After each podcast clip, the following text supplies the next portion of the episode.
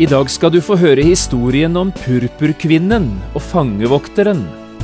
Historien om de to første menneskene fra Europa som fikk høre om Jesus og ble frelst. De er ganske forskjellige fra hverandre, disse to. Det skal du nok snart få høre. De gikk hver sin vei til Jesus, men begge to fant fram. Det viktigste er altså ikke hvordan vi kommer til Jesus, men at vi kommer.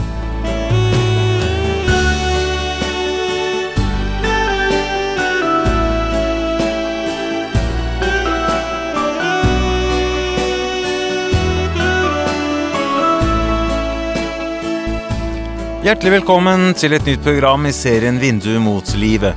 Programmet er produsert av Kristen Riksradio og blir ledet av Jon Hardang.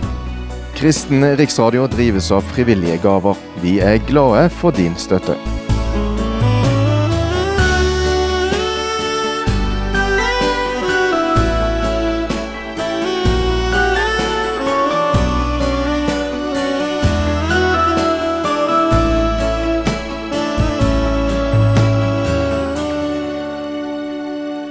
Også i dag skal vi fortsette denne bibelundervisningsserien som jeg har kalt Gledens ambassadører. I tolv program skal vi åpne apostlenes gjerninger i Bibelen, og der løfte fram en del av de personene Gud brukte i den første kristne tid til å spre evangeliet om Jesus.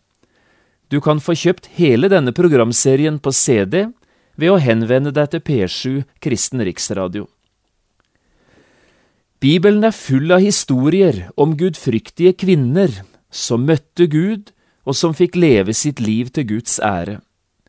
Vi møter disse kvinnene både i Det gamle og Det nye testamentet. Sara og Rebekka, Hanna, Ester, Abigail, eller alle de forskjellige Maria-skikkelsene. Også i dag skal vi få møte en slik kvinne, fra byen Filippi.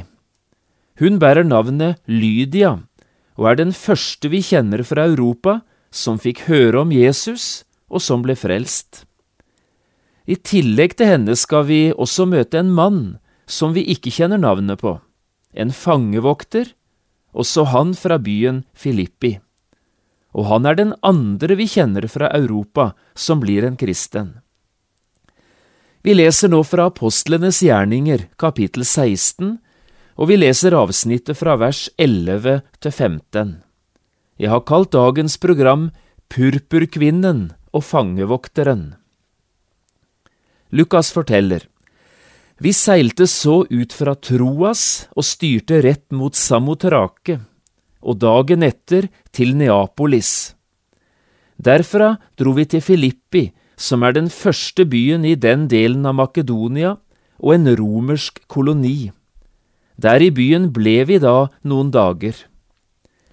På sabbatsdagen gikk vi utenfor byporten, ned til en elv, hvor de pleide å holde bønn. Vi satte oss der og talte til de kvinnene som var kommet sammen.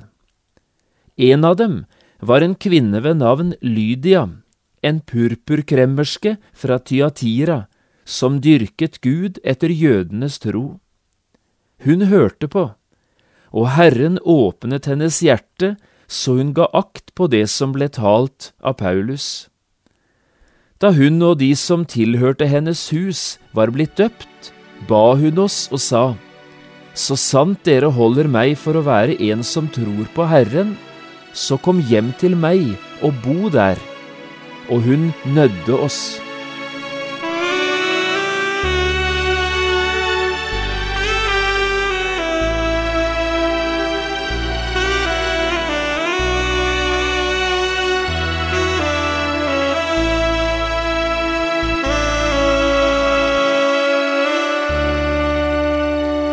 Ordet førstegrøde er ikke et ord vi bruker til vanlig i det norske språket. Dette er et mer typisk bibelsk ord, og jeg vet ikke hvor godt du kjenner dette ordet, du som lytter nå, førstegrøde. Men nå skal du få høre litt. Dette ordet førstegrøde er hentet fra Israel, og er et ord som brukes i forbindelse med den jødiske innhøstningen. Når jødene skulle høste inn, enten det var hvete eller fiken eller oliven, så gjorde de det alltid i tre forskjellige avdelinger. Først tok de inn førstegrøden, en mindre del av høsten, og denne førstegrøden ble alltid båret fram for Gud som et takkoffer. Førstegrøden var dessuten et varsel om at det snart ville komme en stor avling i hus. Og førstegrøden var dessuten en prøve på hvordan kvaliteten av høsten ville bli. Etter dette tok de inn hovedhøsten. Det var den største og viktigste delen av innhøstningen. Nå var alt disponibelt mannskap i sving, nå skulle det høstes inn som var sådd. Og så hadde de noe de kalte etterhøst.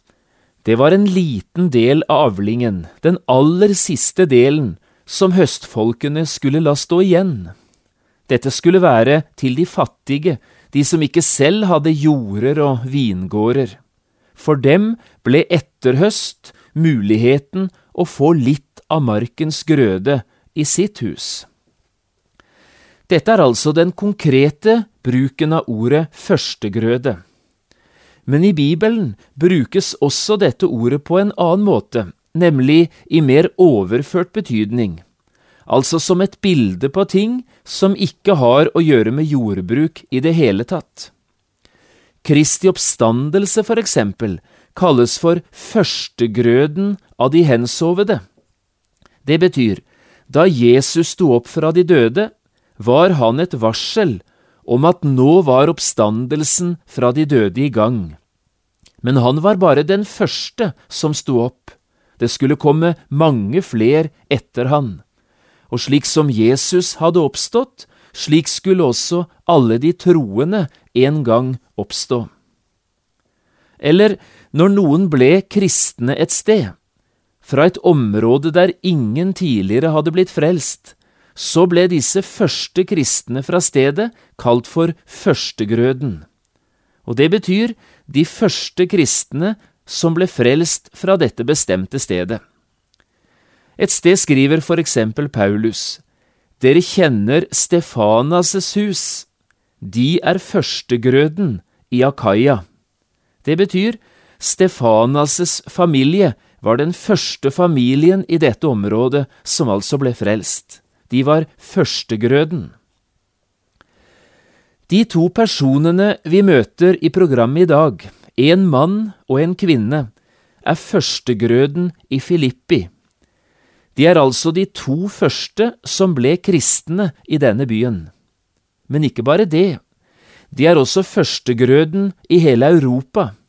De to første i Europa, så langt vi kjenner til, som tok imot Jesus og ble frelst.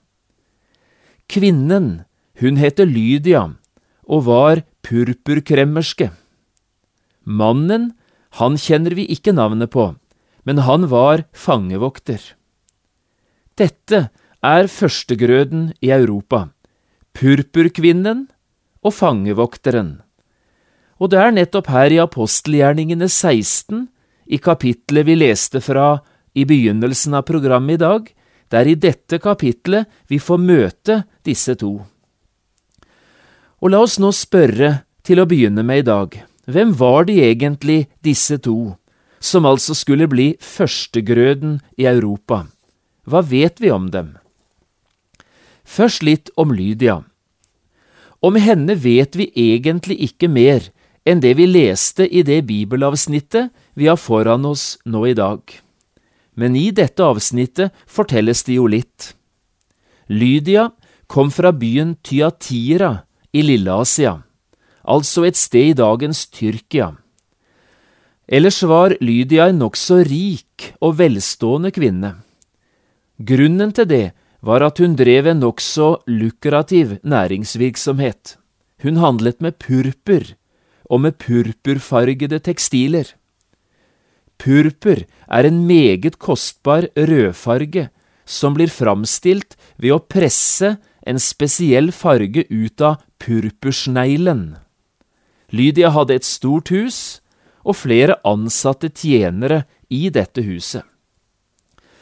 Og vi forstår at det er Lydia som styrer både huset og næringsvirksomheten, det er hun som er sjefen. purpurkvinnen, eller purpurkremmersken, som hun kalles her. Det er hun som tar ansvaret for å invitere Paulus og hans medarbeidere til å bo nettopp i hennes hus, etter at hun selv er blitt en kristen. Vi hører ikke et ord om mannen hennes, og de fleste antar at hun er blitt enke, men ellers har hun hele familien rundt seg. Denne Lydia var ikke jøde av fødsel, hun var greker. Men hun var proselytt, og det betyr hun hadde gått over til jødenes tro. Og den dagen vi nettopp leste om fra apostelgjerningene 16, da var Lydia nede på et bønnested ved elven. Det var sabbat, og nå var hun der sammen med en del andre jødiske kvinner fra den vesle jødekolonien i Filippi. De var sammen der nede for å be.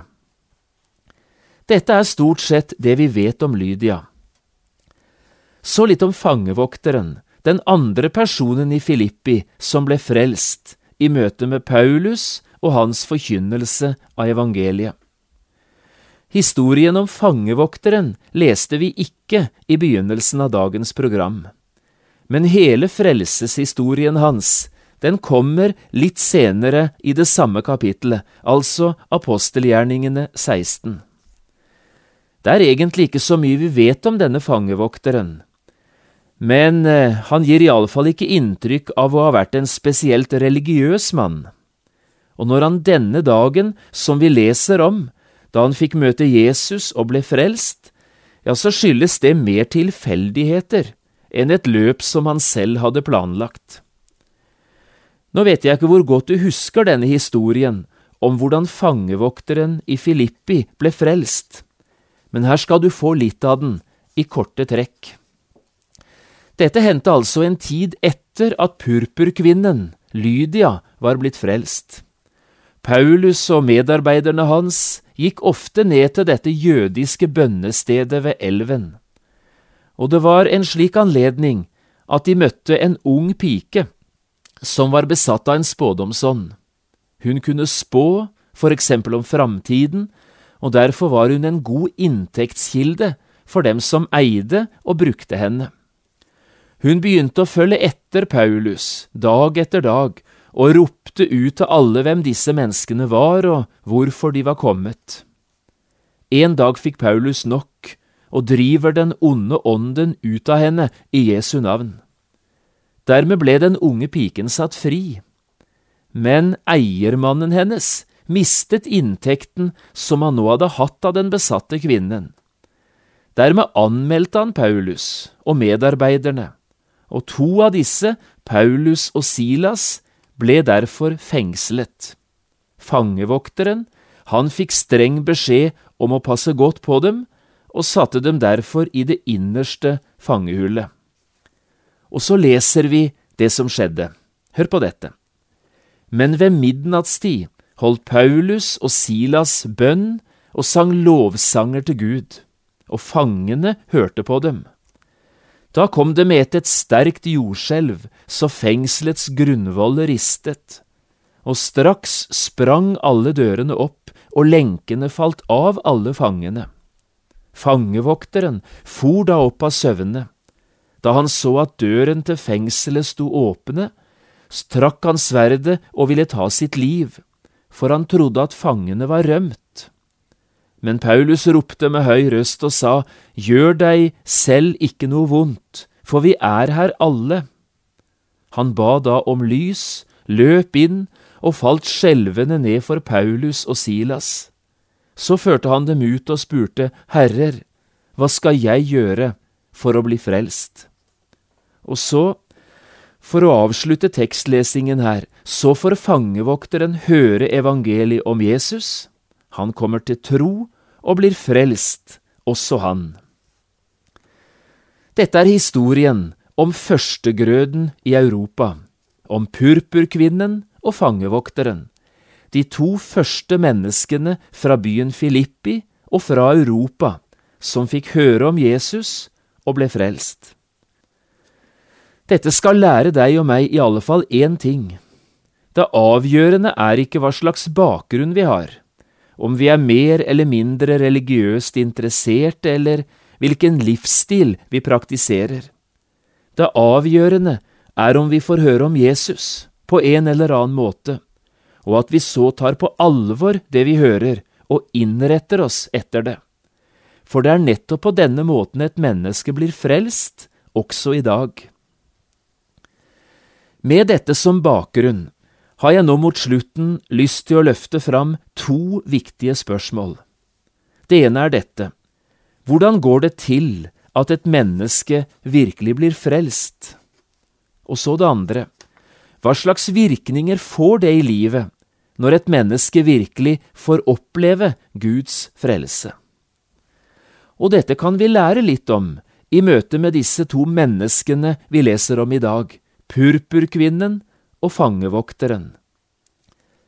Det første spørsmålet var altså dette.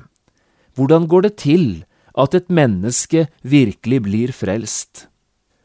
Ja, dette har de litt å si oss om, begge disse to. Nå skal du høre. Om Lydia står det følgende, og jeg synes det er så flott skrevet eller formulert av Lukas. Han skriver, Hun hørte på, og Herren åpnet hennes hjerte så hun ga akt på det som ble talt av Paulus. Slik står det i slutten av vers 14.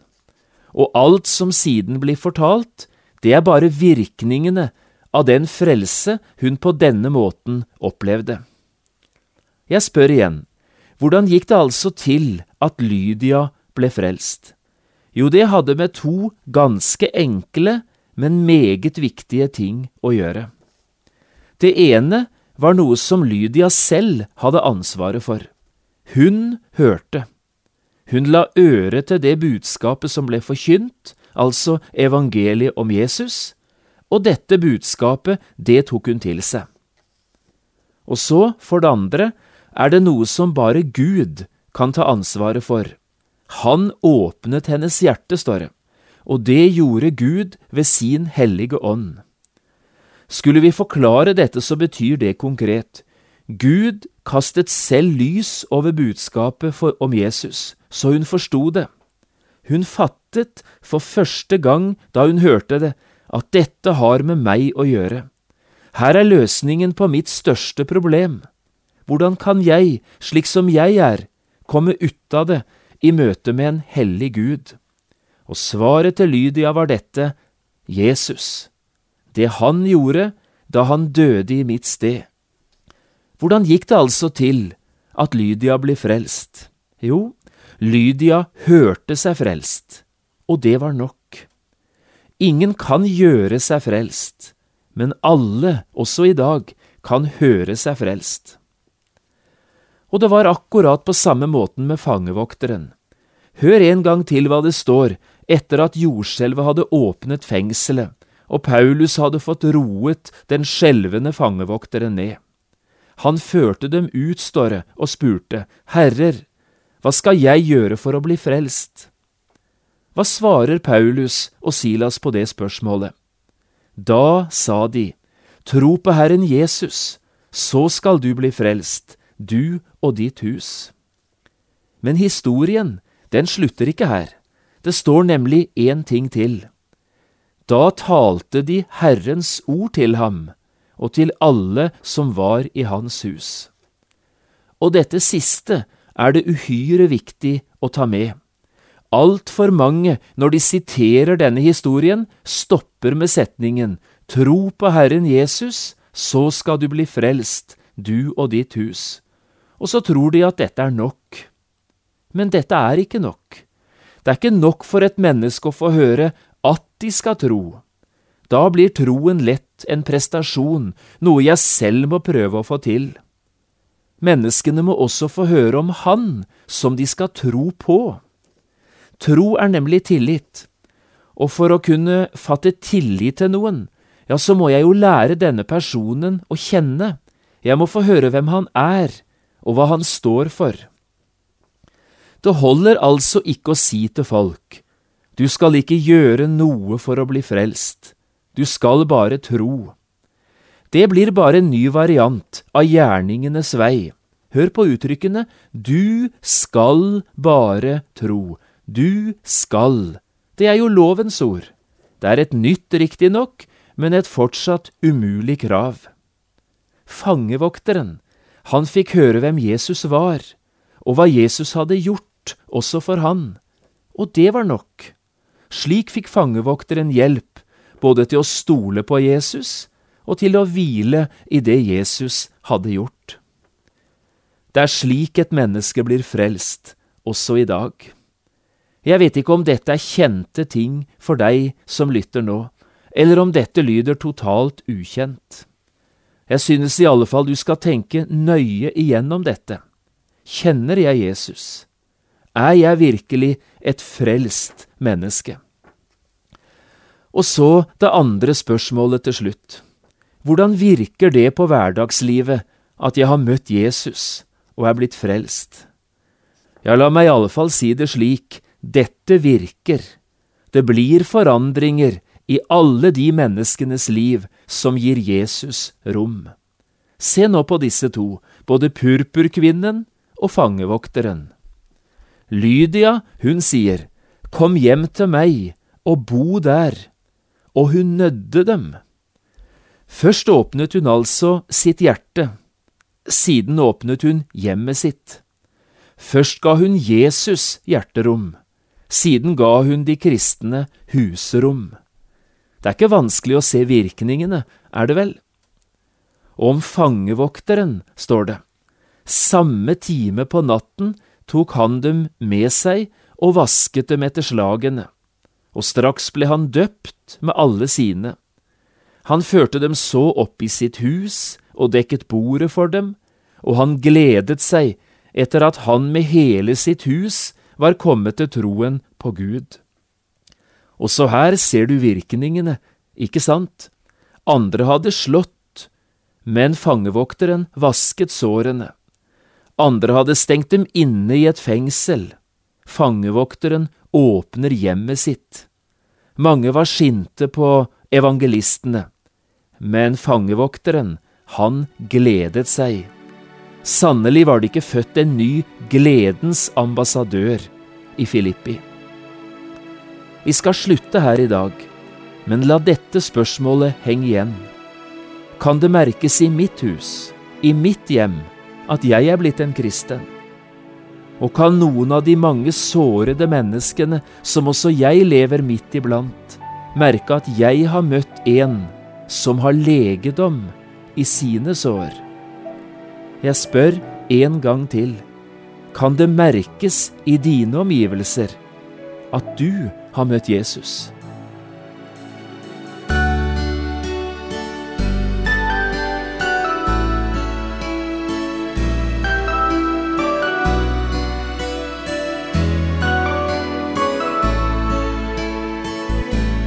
Du har lyttet til et program i serien Vindu mot livet med John Hardang. Programmene i denne serien kan også kjøpes på CD fra Kristen Riksradio, eller høres på internett på p7.no. Har du spørsmål eller kommentarer til det du nå har hørt, kan du ta kontakt med oss. Adressen er Kristen Riksradio, Skiene 2, 5353 Straume, eller send en e-post vml alfakrøll p7.no. Takk for i dag, og på gjenhør.